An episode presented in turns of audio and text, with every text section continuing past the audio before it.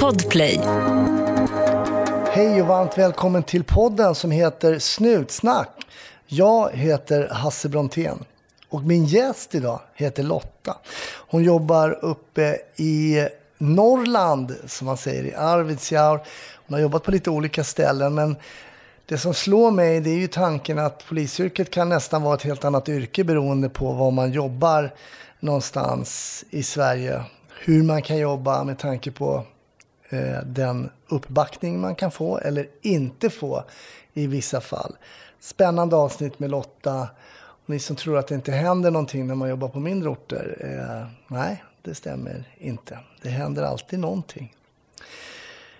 Vill du ta del av bonusmaterial så bli gärna Patreon och stötta podden. Det kan du bli om du går in på eh, patreon.com snutsnack. Lägger alltid ut lite extra från gästen som eh, oftast är väldigt spännande. Annars finns vi såklart på sociala medier. Hitta oss där så kan du följa oss mera. Ja, det ska vara sommar när du hör det här. Men det behöver det inte vara för man behöver inte lyssna precis när det sänds. Så ha en fantastisk fortsatt sommar eller höst eller vinter när du än lyssnar. Och eh, var försiktig där ute. Och ha en väldigt trevlig lyssning. 1310 570 kom. 1310 Odengatan kom. Ja, det är uppfattat. Vi tar det. Slut. Bra. Klart slut. Då säger jag varmt välkommen till Snutsnack Lotta. Tack så mycket. Och jag måste säga att jag ger dig ett extra tack för vi sitter alltså på midsommardagen i Malå, alltså i Lappland i Västerbottens inland i en husvagn och poddar. Det funkar det med. Man får laga efter läge. Ja, men jag, tack. Jag vet att du har smitit ifrån familjen här en timme och eh, för att vara med i Snutsnack och det uppskattas verkligen. Tack så jättemycket. Jätteroligt att få vara med. Så jag får också säga tack. Ja, det var det lilla. Vi har suttit och pratat här lite innan om, om polisyrket och du har berättat lite eh, saker som du har varit med om. Och det är så fascinerande varje gång, trots att man själv har varit i yrket och får träffa en ny person och alla dessa upplevelser som finns bara i en person. Och vad den personen har i ryggsäcken. För du har jobbat på lite olika ställen vet jag. Ja, jag har jobbat i Motala, Östergötland mina första år. Sen har jag varit eh, i Luleå och jobbat. Och så har jag varit här i Malå och jobbat ett tag. Och nu är jag i Arvidsjaur. Och Arvidsjaur, är det där rötterna är ifrån? Där är mina rötter, så är det. Hur var det att växa upp i Arvidsjaur? Det var lugnt och fridfullt och bra. Det kan rekommenderas. Men var kommer då tanken om att börja jobba som konstapel när man växer upp liksom i Arvidsjaur? Så var kom den idén ifrån? Nej, den har nog alltid funnits där. Sen är jag nog en lite rastlös själ. Jag har flyttat runt en del. Gick gymnasiet i Skara, mm. cykelgymnasium. Och sen har jag ju pluggat på lite olika ställen. Bott i Umeå och flyttat runt sådär. Så att det var väl sen när man tänkte att man själv skulle skaffa barn och ville ha närheten till mamma och pappa och barnvakt och den tryggheten. Just det. Sen även dock färgad när man har jobbat på lite större ställen. Att eh, den sociala kontrollen är bra på mindre orter på gott och ont. Mm. Och då väljer jag att se de mer god, goda sidorna av den sociala kontrollen. Just det, i och med att i en mindre ort så känner alla alla. Precis, och det kan gå åt skogen där också naturligtvis. Ja, Men klart. man kanske har en, att det går fortare att fånga upp saker. Så har jag Ja. resonerat, eller jag och min man har resonerat så. Just det. Så att eh, där har valet att bo på en mindre ort nära till släkt och vänner på ett annat sätt än om man skulle bo i till exempel Luleå eller Piteå eller Östergötland, Motala, Mm. Linköping och så vidare. Men det blir en annan, jag tänker, jag har ju varit uppe här nu snart en vecka, det blir en annan typ av fritid också tänker jag. Det är inte, nu har vi hittat en paddelhall här i, i Malå vilket ger tummen upp tycker jag. Annars är det ju ganska mycket prägel på natur och jakt och fiske och sådär här uppe. Det är den känslan jag får i alla fall. Ja, men så, så kan det nog vara. Och mycket skoter på vintrarna och fjällvandring. Och jag tror att många som bor uppskattar det. Men sen tror jag också att ehm, personer eller folk som bor i de här mindre orterna, vi, det är inte problem att åka iväg heller. Nej. För att av, vi är så van vid avstånden. Så att åka till till exempel för en shoppinghelg i Umeå är in, som är 30 mil bort ungefär, är inte samma projekt som när jag bodde i Motala för att ta mig till Stockholm. Det var ett mycket större Okej. avstånd där än vad 30 mil är här. Just det. Ja, det är lustigt hur liksom, eh, egentligen då, liknande kilometrar kan uppfattas på olika sätt. Liksom. Ja, och man blir fort van vid de olika. Att när jag bodde i Östergötland var fem mil kändes jättelångt. Här under en period pendlade jag sju och en halv mil enkel väg varje dag. Ja. ja, där ser man. Det är intressant. Du, var gick du i skolan någonstans, polisskolan? Eh, Jag gick i Umeå. Ja, det gick i Umeå. Och sen när du kom, åt, kom ut då, blev det Motala direkt då? Eller hur? Ja, precis. Den bästa arbetsplatsen jag haft någonsin. Fantastisk. Alltså var det bra? Ja, mycket bra. Varför var det, varför var det så fantastiskt? När vi hade sån gemenskap. Ja. Ehm, Alla var rädda om var- varandra, man hjälptes åt. Så är det förvisso på många ställen, men vi var många som var i samma ålder. Vi hittade på mycket på fritiden. Mm. Det blev en bra start. Det var även en bra start eh, rent polisiärt, för där hade vi, vi jobbat turer. Mm.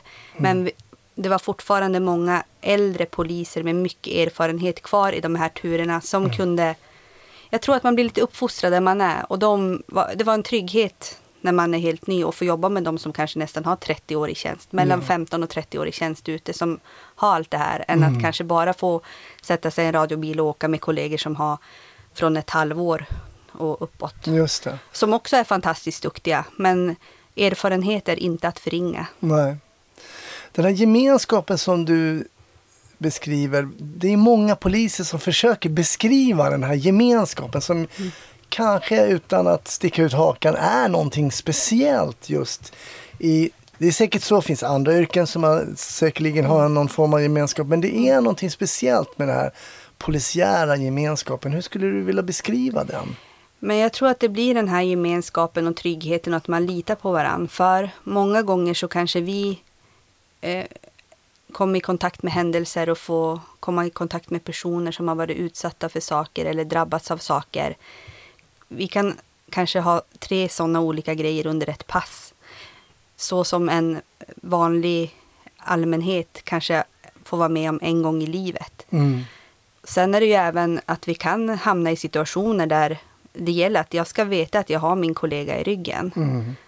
Och jag tror att man bygger upp det här när man jobbar mycket tillsammans. Att man litar på varandra. Och, man, och det kan även vara lite hårt ibland kollegor emellan rent när vi pratar. Men jag tror att det också gör att man kommer närmare varandra. Att man vet vars man har varandra. Det är inte det här att man tassar på tårna alltid. Och man, utan tillit, A och O i en patrull. Just det. Det som jag tyckte var en ganska speciell känsla lite grann med den här gemenskapen, det var ju det att för det är ju så, man gillar inte alla lika mycket. Man Nej. går, trivs ihop med en väldigt mycket och någon lite mindre och sådär. Men man visste alltid att även den som gillade mig lite mindre skulle kasta anteckningsblocket Ja. eh, för att hjälpa mig när det, när det Mm. liksom hettar till. Och det är ändå en... Och jag håller med om den. Jag förstår precis vad du menar och det är fantastiskt. Det är en förmån vi har i vårt jobb Ja. som poliser. Vi pratade lite, vi träffades faktiskt igår också. Vi pratade på telefon, du träffades ute på gatan här. Det är inte så stort här i Malå. Nej, det är inte så stort. Ehm, men sen så, och då sa jag, men ta gärna med ett minne liksom som har påverkat dig eh, eller som sitter kvar. Och det var ett minne som du fick upp som vi har pratat lite om innan, alltså tycker jag var väldigt intressant. För vi har inte, under alla de här avsnitten så tror jag faktiskt inte vi har riktigt haft ett sånt ärende. Jag tänkte du skulle få återberätta det eh, för lyssnarna, Mm. ditt minne. Ja, som sagt, jag klurar ju lite grann på... Jag har ju några år i tjänst nu, så man har ju varit med om olika saker. Eh, Men någonting som jag påverkar mig fortfarande, inte på ett negativt sätt nu, utan mer att man är uppmärksam och att man tänker, tänker sig för. Det var att eh, när jag hade kanske ungefär ett halvt år i tjänst. som- Ganska ung i tjänst då. ja, färd, som färdig PA så blev eh, jag och min kollega kallade till via då LKC till en lägenhet där ambulansen inte ville gå in själv. Eh, och när vi kommer dit så är ju det här en av våra aktuella adresser där det ofta florerar personer med missbruksproblem. Eh, det går väldigt fort när vi kommer dit. Även spangruppen som jobbar kommer dit och ambulansen är där och står utanför och väntar. Eh, vi knackar på. Då är det en man som vi känner igen sedan tidigare. Som har en lång, många år av missbruk bakom sig. Som öppnar dörren. Han eh, är helt blodig, drar igen dörren Eh, och gå in i lägenheten, låser så vi, hin- vi hinner inte med att få upp den. Men det går ganska fort att han öppnar igen, vilket gör att span skyndas in i lägenheten. Vi försöker hjälpa till. Den här, det är mycket folk i lägenheten och det är blodigt och det är eh, den här mannen, han smiter iväg, men eh, i samma veva som sagt, allting går ju väldigt fort. Så ropar RLC, eller LKC igen att eh, ambulans har hört av sig och han har sparkat på bilar och betett sig väldigt illa. Bland annat har han sparkat sönder våran bil lite grann. Så jag och min kollega kan lämna adressen i och med att det finns många andra kollegor där för att leta reda på den här mannen. Eh, vi hittar igen honom kanske 150-200 meter från den aktuella adressen. I och med att han är så påverkad så bestämmer vi oss för att vi, han ska få åka med oss. Vi omhändertar honom enligt LOB. För han är så agiterad och på dåligt humör. Brukar aldrig vara det. Kanske inte alltid svara på frågor, men brukar alltid vara snäll om man får uttrycka det så. Du har träffat honom tidigare? Många gånger. Ja. Eh, väl inne i bilen så eh, är han verbalt arg och ska anmäla oss till höger och vänster och vi försöker prata med honom att men lugna ner dig, du och, vi känner ju varandra. Du vet, så här, man försöker för att eh, väl inne i arresten så brakar det lös. Eh, han blir jätte, jättearg. När han lämnar lägenheten så ser vi också att han har det här såret i bakhuvudet vilket mest troligt har gjort att han är så blodig. Mm. Han, har han kläder på sig? Ja, eller? han har kläder på sig. Men Ja. blod i ansiktet, blod på kläderna och jätteblodiga i bakhuvudet. Mm. När vi kommer in då så får vi ju, vi får slåss för att få in honom i cell för att avvisitera där. Men han, och vi får vara flera poliser för att få ner honom på marken. För ofta så avvisiterar man så att säga utanför cellen Man, och sådär. precis, Mm. man avvisiterar ju inne i arrest ut, där, där oftast ett SB kommer att ta emot och göra bedömningen. En förmansprövning på vårat beslut om att omhänderta någon. Mm. Eh, men där då får vi lägga ner honom inne i cell. Jag håller ett eh, skuldergrepp på hans vänstra sida. Och han ligger med ansiktet mot golvet. En kollega håller skuldergrepp på andra sidan och en kollega håller ett benlås. Det rinner blod från det här såret i bakhuvudet som då bildar en pöl på marken eller på golvet inne i cellen. Vilket han börjar sörpla från. Han frågar vems blod är det här? Eh, sörplar upp det och spottar mot oss så gott han kan. Det ser ut som ett slakthus där inne efter ett tag. Vid den här tidpunkten så, nu har det kommit någonting som heter spotthuvor. Det fanns inte då. Nej. Det hjälpmedlet fanns inte. Så till slut fick vi ta en eh, papperspåse för att minska. Jag har aldrig varit så blodig i hela mitt liv. Och så säger han så här. Har jag hepatit och hiv, då ska ni också ha era jävla snutjävlar. Det var bara att vika bort huvudet och försöka hålla och sen som sagt var bara sanera hela sig själv. Och Så hur- var var du blod? Var hade han lyckats spotta på dig då? Eh, I och med att jag höll på hans vänstra sida och han hade huvudet mot vänster så var det ju som från örat, baksidan på mitt huvud. Jag fick ju bara vända bort. Och hela uniformen. Och i och med- i och med att det hade runnit också, han krängde ju. Och, eh, vid det här tillfället, de flesta poliser nu om man vill får ju vaccin mot hepatit B. Mm. Eh, vi hade inte fått det vid det här tillfället och jag hade då en nära, nära person i min, i min, eller en person i min närhet som hade fått barn som jag brukar vara barnvakt till. Och det här påverkade mig jättemycket för jag fick ju vänta ett halvår. Man fick ju ta ett nollprov, man fick ta vaccinationen, man fick restriktioner hur du skulle leva. Jag levde med en sambo vid det tillfället. Det här samlivet, vad man skulle tänka på, hur man fick göra och inte göra. Och jag var ju så också så rädd innan jag visste om jag var smittad eller inte av någonting. Att jag skulle föra någon smitta vidare. Och det påverkar jättemycket just då. Och det var ju inte bara jag som var drabbad utan det var ju flera kollegor som hamnade i samma sits. Em, så det påverkar ganska negativt ett tag. Nu, nu är det så många år sedan. Nu har jag ett annat förhållningssätt till det. Men jag tänker på det på ett helt annat sätt när vi hamnar i situationer där, där det är mycket blod och där det skvättar och hur personer, ja det här med att spotta och så vidare. Där du nämnde de här eh, huvudena, spotthuvor sa du. Mm. Vad är det för någonting? Kan du beskriva vad det är för någonting?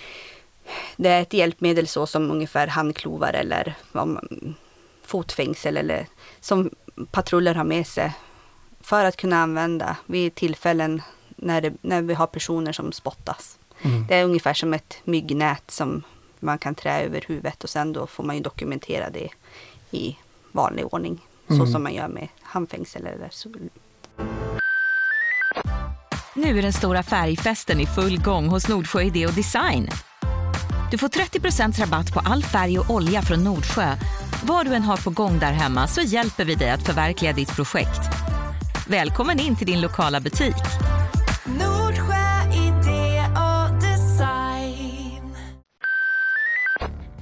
Hade du fått någon utbildning kring det här om folk spottar och mot den eller något sånt där?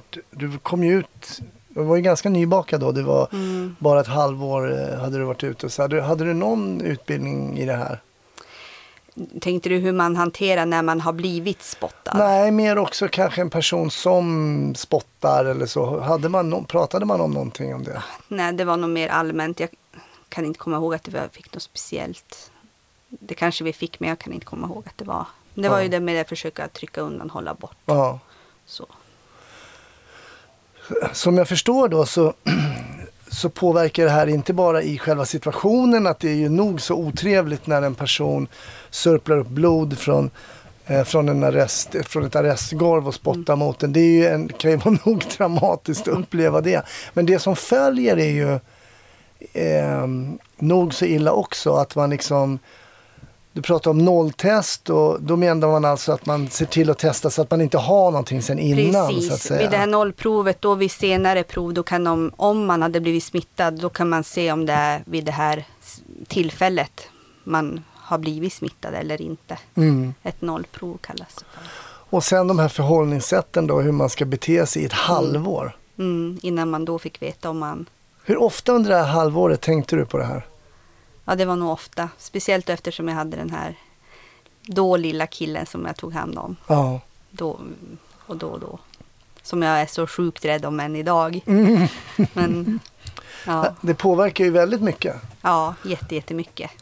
För hade det bara varit jag och man hade levt själv och isolerad, då hade det ju varit en sak. Men när man har familj och man lever i ett förhållande och, så är det ju inte bara jag som blir påverkad av det här. Det är ju Mm. Alla runt omkring. Nu är ju chansen minimal att man kan få en smitta Mm. beroende på olika... Ja. Men det är ändå det där lilla om ifall att kanske. Såklart. Såklart. Nej, jag kommer ihåg jag hade också när det är full med blod och personen skriker att den har hiv och sådär och då Mm. blir man ju stressad såklart. Och då, det här var ju många år sedan men hiv det var ju liksom, ja får jag hiv då, då är man ju död på en sekund. Vad kändes det som? Så, Mm. Ja, ja, men, Jo. jo men det var ju så. Ja, Men då som jag förstod så var ju det här då när du jobbade i Motala. mm, precis. Och sen, hur länge var du i Motala då? Eh, jag tror att jag, han var där i tre år ungefär. Ja, okej. Och sen bar det av. Sen bara av till Arvidsjaur. Ja. Eh, Det måste så ha varit en stor skillnad att jobba i Motala Det- kontra Arvidsjaur. det blev en kulturkrock Det när jag blev kom det? upp. Och så Ja. sen var jag ensam då, så jobbet är ju ganska viktigt. I alla fall för mig. Även fast jag har familj nu så är jobbet viktigt. Men Mm. det var ännu viktigare då när det var det enda man hade egentligen. Ja. Så det blev, det blev en kulturkrock och jag sökte mig till Luleå. På vilket sätt blev det en kulturkrock? Eh, framförallt inflödet av eh, HR-jobb Ja.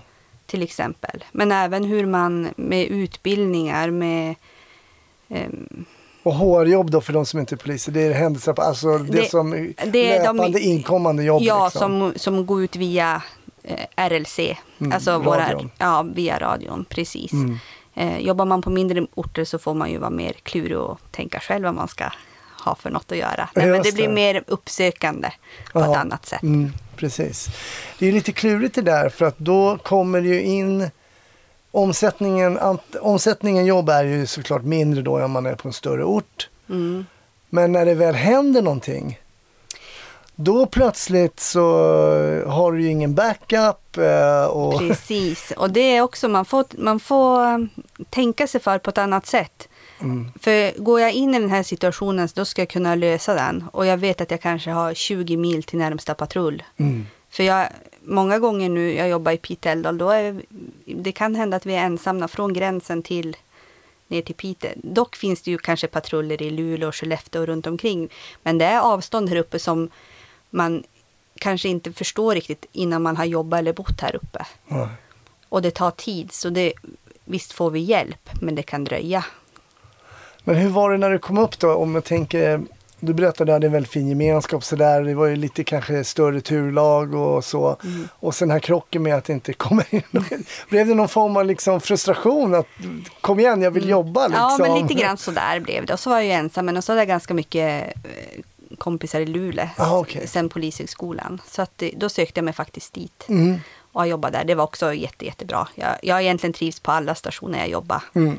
Ehm, Så då jobbade jag i Luleå ett tag. Sen under tiden jag var där då träffade jag min man som inte var från Luleå. Så då blev det Arvidsjaur igen. Så Malå ett tag. Och sen, Men hur var det att jobba i Malå då? eh, ja, det var Det inte vara- ensamt. men ändå, det var väl okej. men jag kände bara det, det är all, det, jag vill tillbaka till Arvidsjaur. För där, det är inte jättestort där heller. Nej. Men där var vi några fler. Vi, det var, fanns alltid patrull det, och så vidare. Just det. I anslutning till det du berättade det här med, med eh, det här caset som var med om i Motala så har det tillkommit en utrustning, utrustningsdetalj eh, på ditt bälte. ja, som är på prov än så länge. Det Mm. har väl tagits beslut, nu om jag har förstått det hela rätt, att eh, poliser i Sverige ska få använda, eller ha tasern på sitt bälte. Och taser om du förklarar det, vad är det Eh, det är elchockvapen, elpistolen. Mm. Det är ett fantastiskt hjälpmedel. Det bästa som har kommit under på lång tid. Jag, jag har bara önskat att det ska tryckas ut ännu fortare. Mm. För att eh, det är så... Det blir inte de skadorna som det blir när vi behöver använda vårt tjänstevapen. Just det. Det är ett komplement, men eh, ett mycket bra komplement. Har du något exempel när du har använt den här tasern som eh, visade att det verkligen Mm. var ett bra komplement? Det var ett eh, case eh, som jag och en kollega varit beordrad på. En person som med psykisk ohälsa Mm. som hade skurit sig som vi fick åka på. Det här var ute i obygden om jag får kalla det så, långt till förstärkning. Eh, vi kommer fram till platsen, lyckas hitta aktuellt hus. Eh, som de flesta poliser i alla fall vet, det är ju när man går in i ett hus så kollar man ju alltid vad, vad, vilka rum är det här, hur många personer är det här, är de ensamma, finns det någonting att göra sig illa på, vad kan de göra sig illa på? Eh, plocka undan sådana här orosmoment kan man säga. Mm. För att vi ska få så bra arbetsmiljö som möjligt. När vi kommer in här så är det väldigt cleant i den här bostaden. Det finns inte eh, i vardagsrummet där den här personen sitter så finns det inte. Jag bedömer att det finns ingenting han kan göra sig illa på. Nej. Ehm, så Hur är stämningen när ni... han är lugn och ledsen. Vi har förklarat att vi ska försöka hjälpa och vad som kommer att hända sen. På grund av att det var så här lugnt så kunde min kollega, hon sa jag går ut och visar ambulansen fram till platsen. Var det svårt att hitta? Ja, det var lite klurigt. Mm. Dåligt före. Små skogsbilvägar in, in the middle of nowhere. Okej. Eh, men i, i och med att hon lämnar rummet så, så tar den här personen ett beslut att eh, fortsätta med det han har gjort tidigare. Så han drar fram ett eh, stålrakblad och börjar skära sig. Var skär han sig? Eh, han skär i, sin arm. Han är ju inte aggressiv mot oss på något sätt. Men vi, vi vill ju inte att han ska hinna skada. Det blir ju fruktansvärda skador av de här stålrakbladen om man får ett bra Tryck, grepp. Och, ja. mm, Ser, beroende- du ser att han lyckas skära sig eller? Mm. Eh, och jag ropar på min kollega som kom in. Och i det här eh, så, eh, när vi försöker stoppa honom så gör även min kollega sig illa. Hon blir skuren Mm. och det är blod och vi vet ju inte vad den här personen har för någonting. Vi vill ju få stopp på han. Eh, så att då använder jag taser. Vilket är ett jättebra resultat. Vad händer då, då när du... Då, vad är det, man skjuter iväg någon liten Det hulling eller? Det är två hullingar. Och så sen ska du få en, en träff, split the belt träff för att få den här elcykeln att gå på rätt sätt. Ah. Vilket gör att, att kroppen slås ut. Den här cykeln kör på i ungefär fem sekunder. Eh, Så det här gör ju att personen är, vi har ungefär fem sekunder på oss att ja, men, få kontroll. Mm. Oftast, det är ju som att springa ett maraton på några sekunder för kroppen, alltså ansträngningen för kroppen. Ja. Och få den här elcykeln om man får en bra träff. Vilket gör att de kanske inte är så sugna på att fortsätta med sin, vad de har gjort tidigare ändå. Eh, s- Den här personen var väldigt spak ganska länge. Såg du att du fick en bra träff så att säga? Ja, absolut. Eh, Och det här var ju jätte, jättebra för de här elcyklerna som går genom kroppen skadar inte. Det finns inga studier som att det har skadat pacemaker eller någonting. Det är ju fall eller någonting som kan göra att de skadar sig Mm. möjligtvis. Men inte av själva att få den här elcykeln genom kroppen.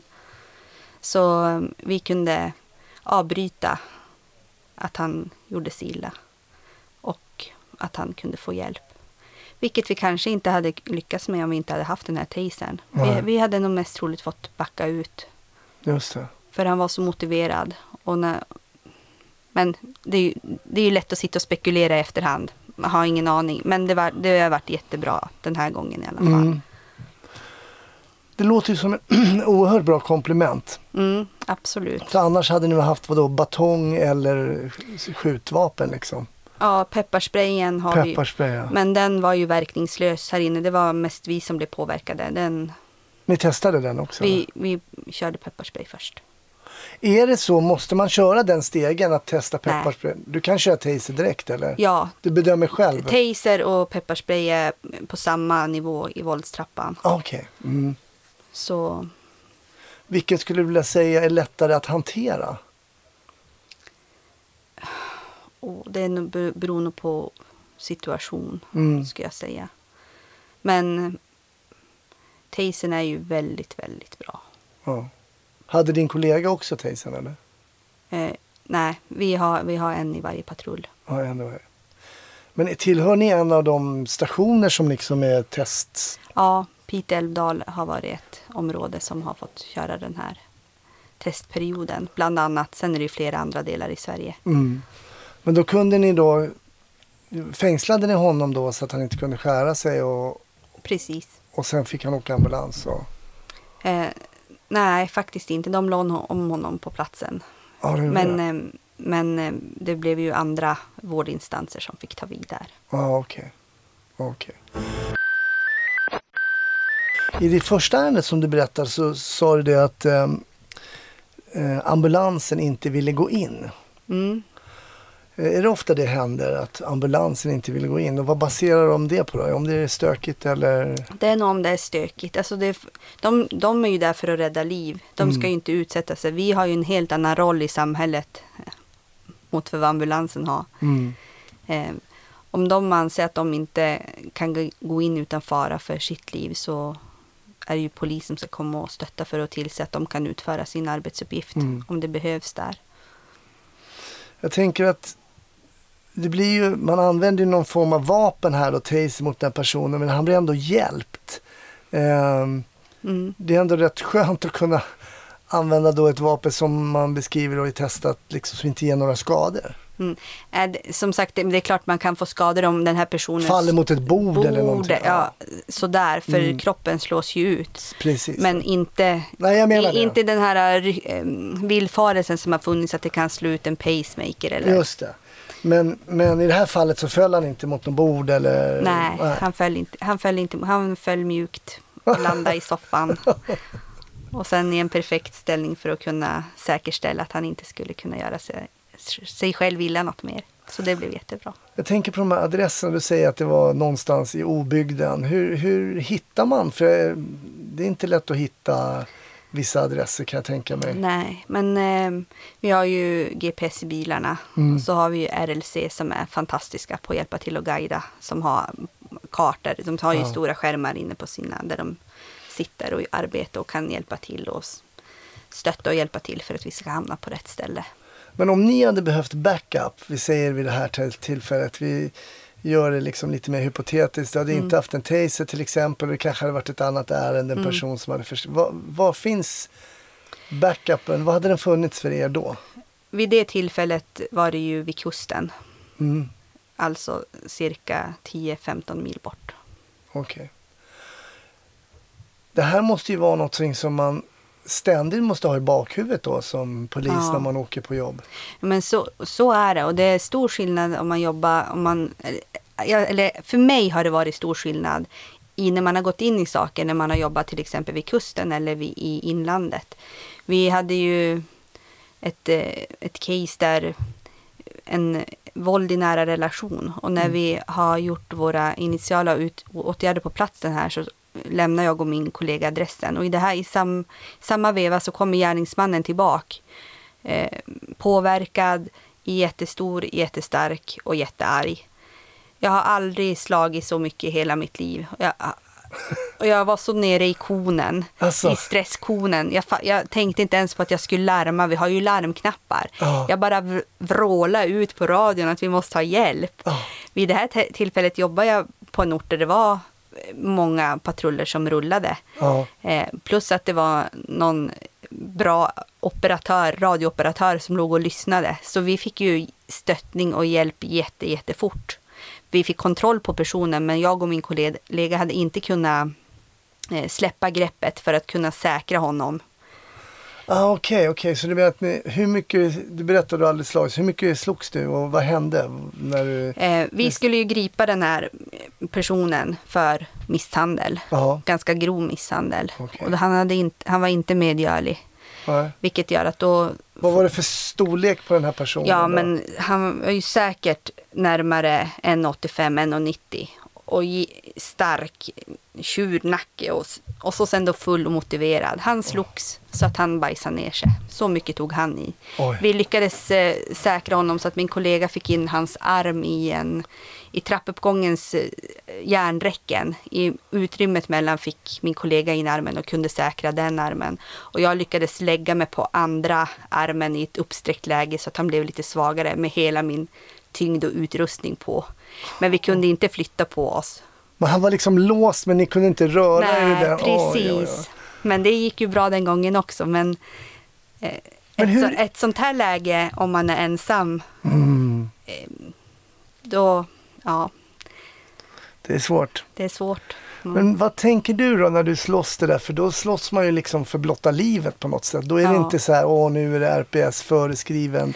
Liksom, utan det blir ju som ett rallar nästan. Man bara försöker överleva ju. Ja, och det, jag tror att de, ja precis. Vad går igenom huvudet på dig då? När du, i Nej, men just då det är det just där och då är det ju, man är ju, alltså adrenalinet bara sprutar och man vill ju bara liksom kunna säkra den här personen så att han inte kan göra illa sig eller göra illa oss. Och så ska han ju med, han har ju faktiskt, han är ju misstänkt för att ha begått det här ganska, väldigt grova brottet. Mm. Han, vad kan han göra om vi inte lyckas med det här gripandet?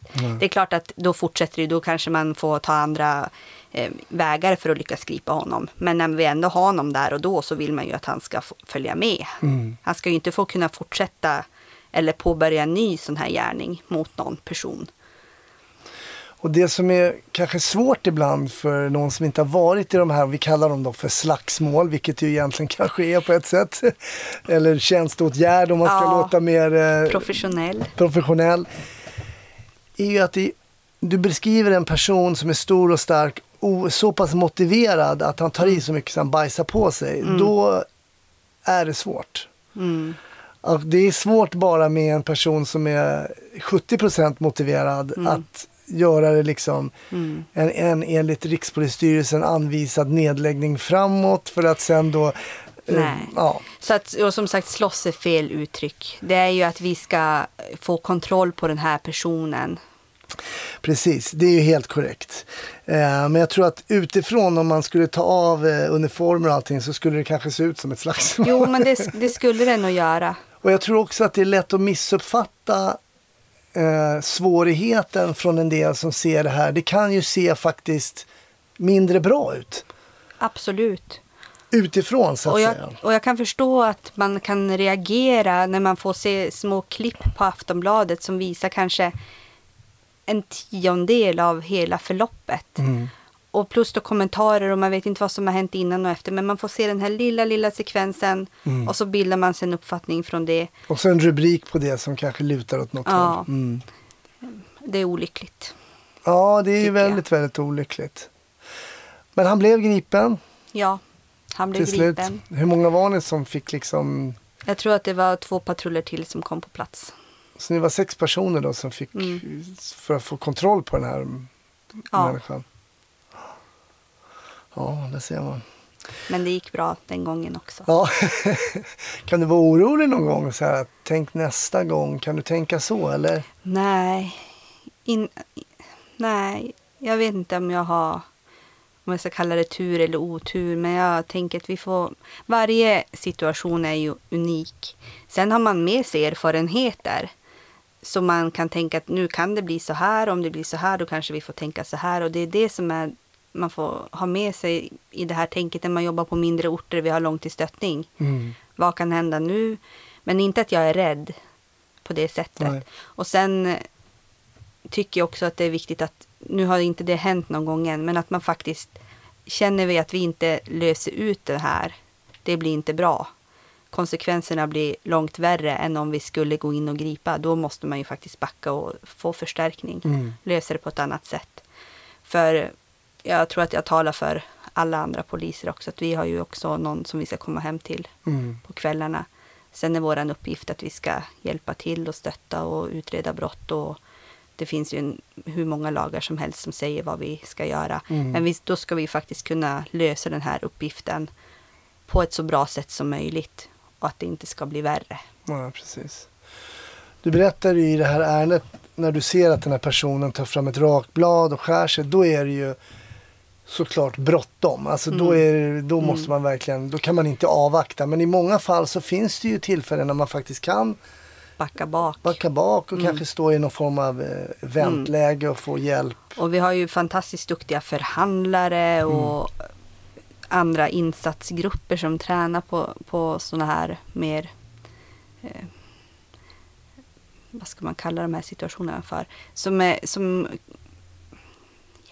Ja, vad ska man säga? Nej men eh, situationer utöver det vanliga Ja, egentligen. precis. alltså, att de, och de är jätteduktiga på det här.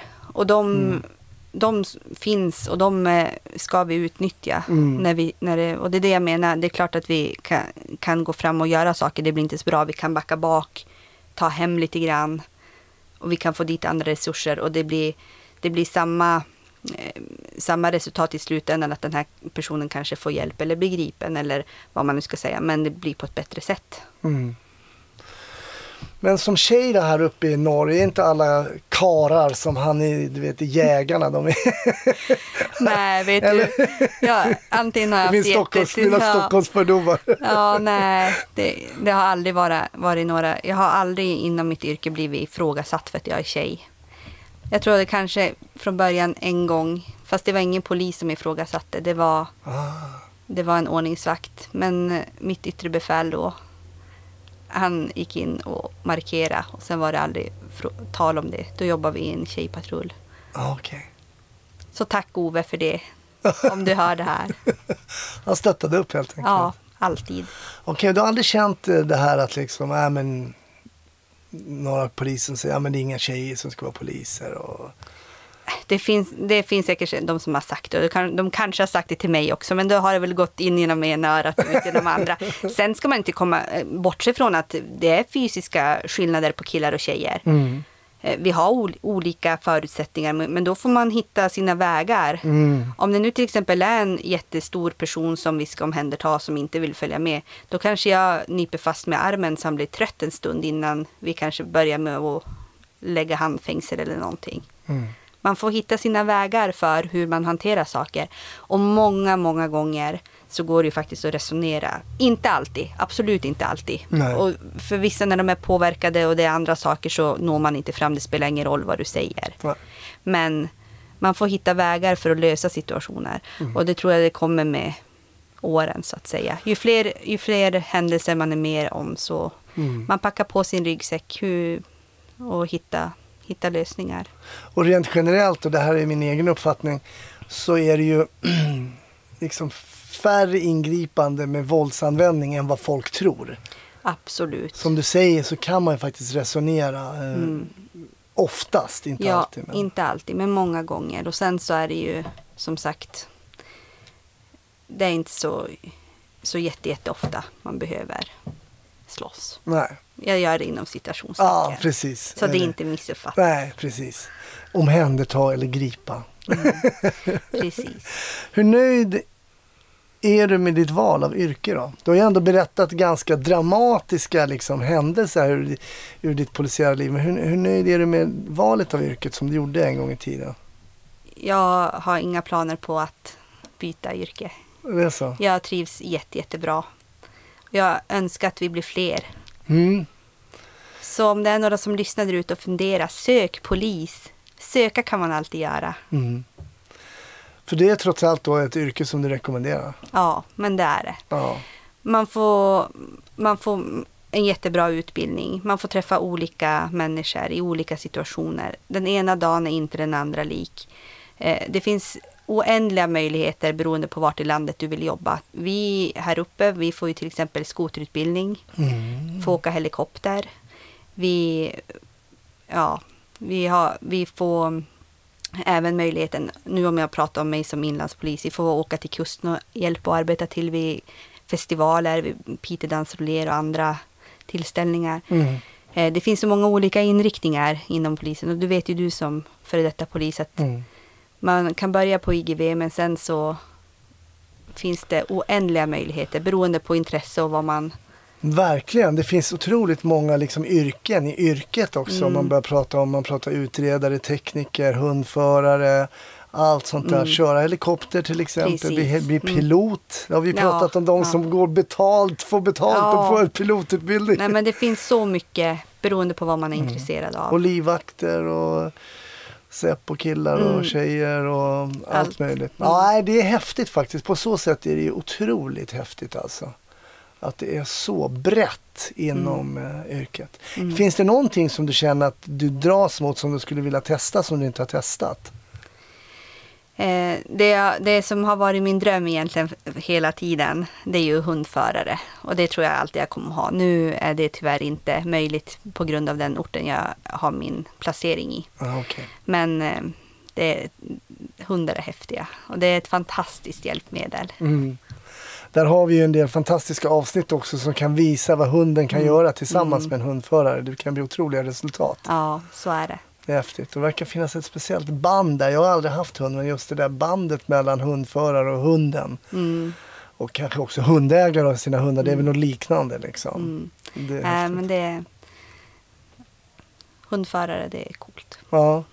Du berättade i början av avsnittet om Motala, fantastiskt, det är det bästa arbetsplatsen det har varit. Och sen berättade du, nu är du tillbaks liksom eh, mot hemorten då. Mm.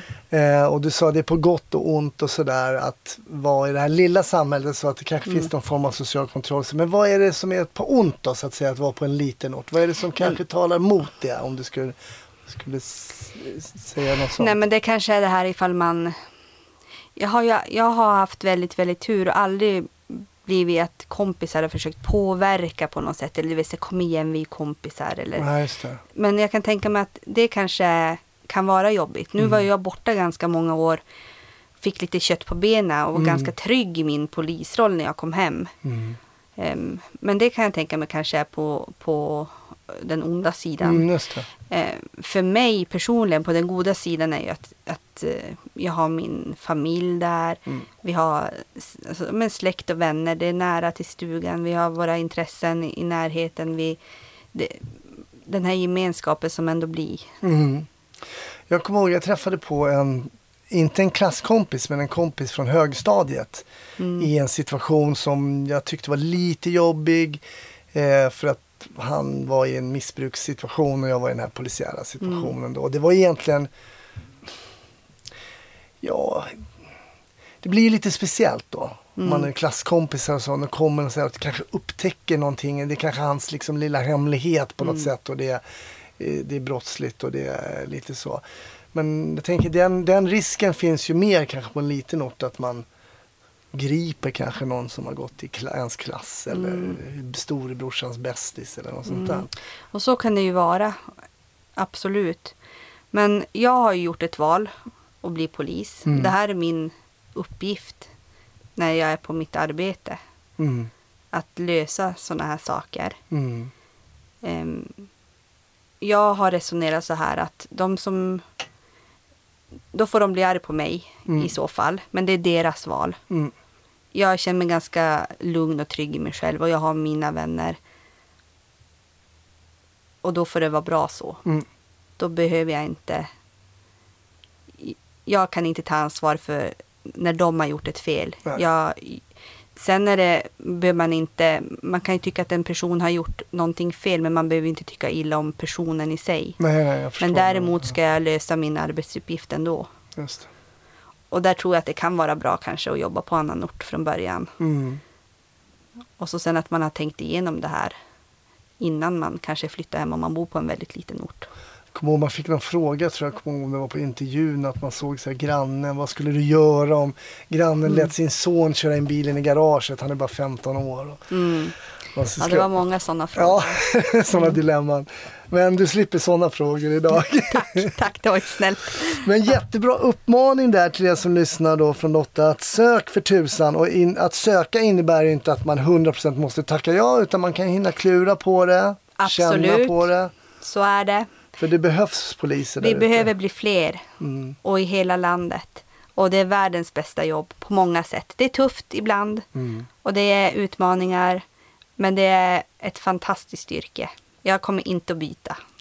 Det är bra Lotta, du, är som en reklampelare för, Mm. eh, till vad heter de, Anton på myndigheten där som försöker få in folk. Eh, vi rundar av som vanligt. Jag var ju lite, man är alltid lite fördomsfull kanske, men sa att man håller på med jakt och fiske när man bor i Norrland. Men det kanske också är en sanning vad gäller många, men du kanske bara ligger hemma och kollar på polisfilmer, vad vet jag? Nej, jag ser väldigt sällan på tv. Men det har inte någonting med att jag inte tycker om att titta på tv. Utan det är att jag har två små grabbar som tar det mesta av min vakna tid när jag inte är på jobbet. Ja, jag förstår. Däremot brukar jag lyssna ganska mycket på ljudböcker. Ja. På kvällarna när man ska somna och sådär. Ja. Så Är det något du kan rekommendera, någon ljudbok? jag gillar ju Hercules-serien. Zack. Eh, Okej, det vet inte jag vad det är för något ens. Eh, jag tror att det är Måns Kallentoft och en författare till som har skrivit. Och så sen även en i någon av de senare delarna en eh, polis faktiskt, en tjej. Mhm. Anna Carolina kanske. Just det, hon har varit gäst. Ja, hon har varit med och författat det. Om jag kommer ihåg nu Ah. rätt. Men den serien tycker jag är super, super bra. Bland annat. Det finns många bra. Är det en bra inläsare också? Det tycker jag är viktigt alltså man lyssnar på. Alltså det var lite roligt för att från början, det var när jag bodde här i Malå och pendlade till jobbet i Arvidsjaur, så hade jag satt igång den där och så efter 20 minuter tänkte jag, alltså det här, jag kan inte lyssna på det här, det går inte. Men du vet, det var snöstorm och det var, jag hade redan satt igång det där och det är dålig täckning efter vägen, jag var lite sen, jag har inte tid att liksom hitta någon ny, så jag tänkte, ja men jag lyssnar på den där till jag kommer fram till Arvidsjaur. Sen var jag fast. Nu skulle det inte kunna vara någon annan uppläsare än den mannen som läser upp det där. Ah, okej. Det passar så bra. Ja, För det är viktigt tycker jag när man lyssnar på ljudbok att man trivs med ja uppläsaren. jo men så är det. Jag Ja. håller med. Men okej, Hercules-serien, är, är det, har de olika namn liksom eller? Ja, den första heter Zack. Sack. Den första boken i den serien heter Zack. Ja men bra, då har ni lyssnat något att gå på ni som gillar ljudböcker. Mm. Sack. Och sen så pausar vi polisfilmerna lite grann och lyssnar Mm. på ljudbok. Ja. Lotta, stort tack. Eh, vi säger väl klart slut från husvagnen här i Malå så länge. Men du ska vara med i ett Patreon-avsnitt också. Ja. Och där ska du berätta, vet jag, om, på tal om snöstorm som det var när du åkte. Det var snöstorm vid ett tillfälle när det kunde ha gått riktigt illa. Men Det löste sig. det löste sig. Vi får se hur det löste sig. Men tack så länge. Ja, tack själv. Tack för att du har lyssnat på Snutsnack. Bli gärna Patreon. Det blir det på patreon.com snutsnack. Kan du ta del av bonusmaterial. Eller så hörs vi på sociala medier, Instagram eller Facebook. Hur som helst så hoppas jag att vi hörs nästa vecka. Ha det fint till dess. Hej!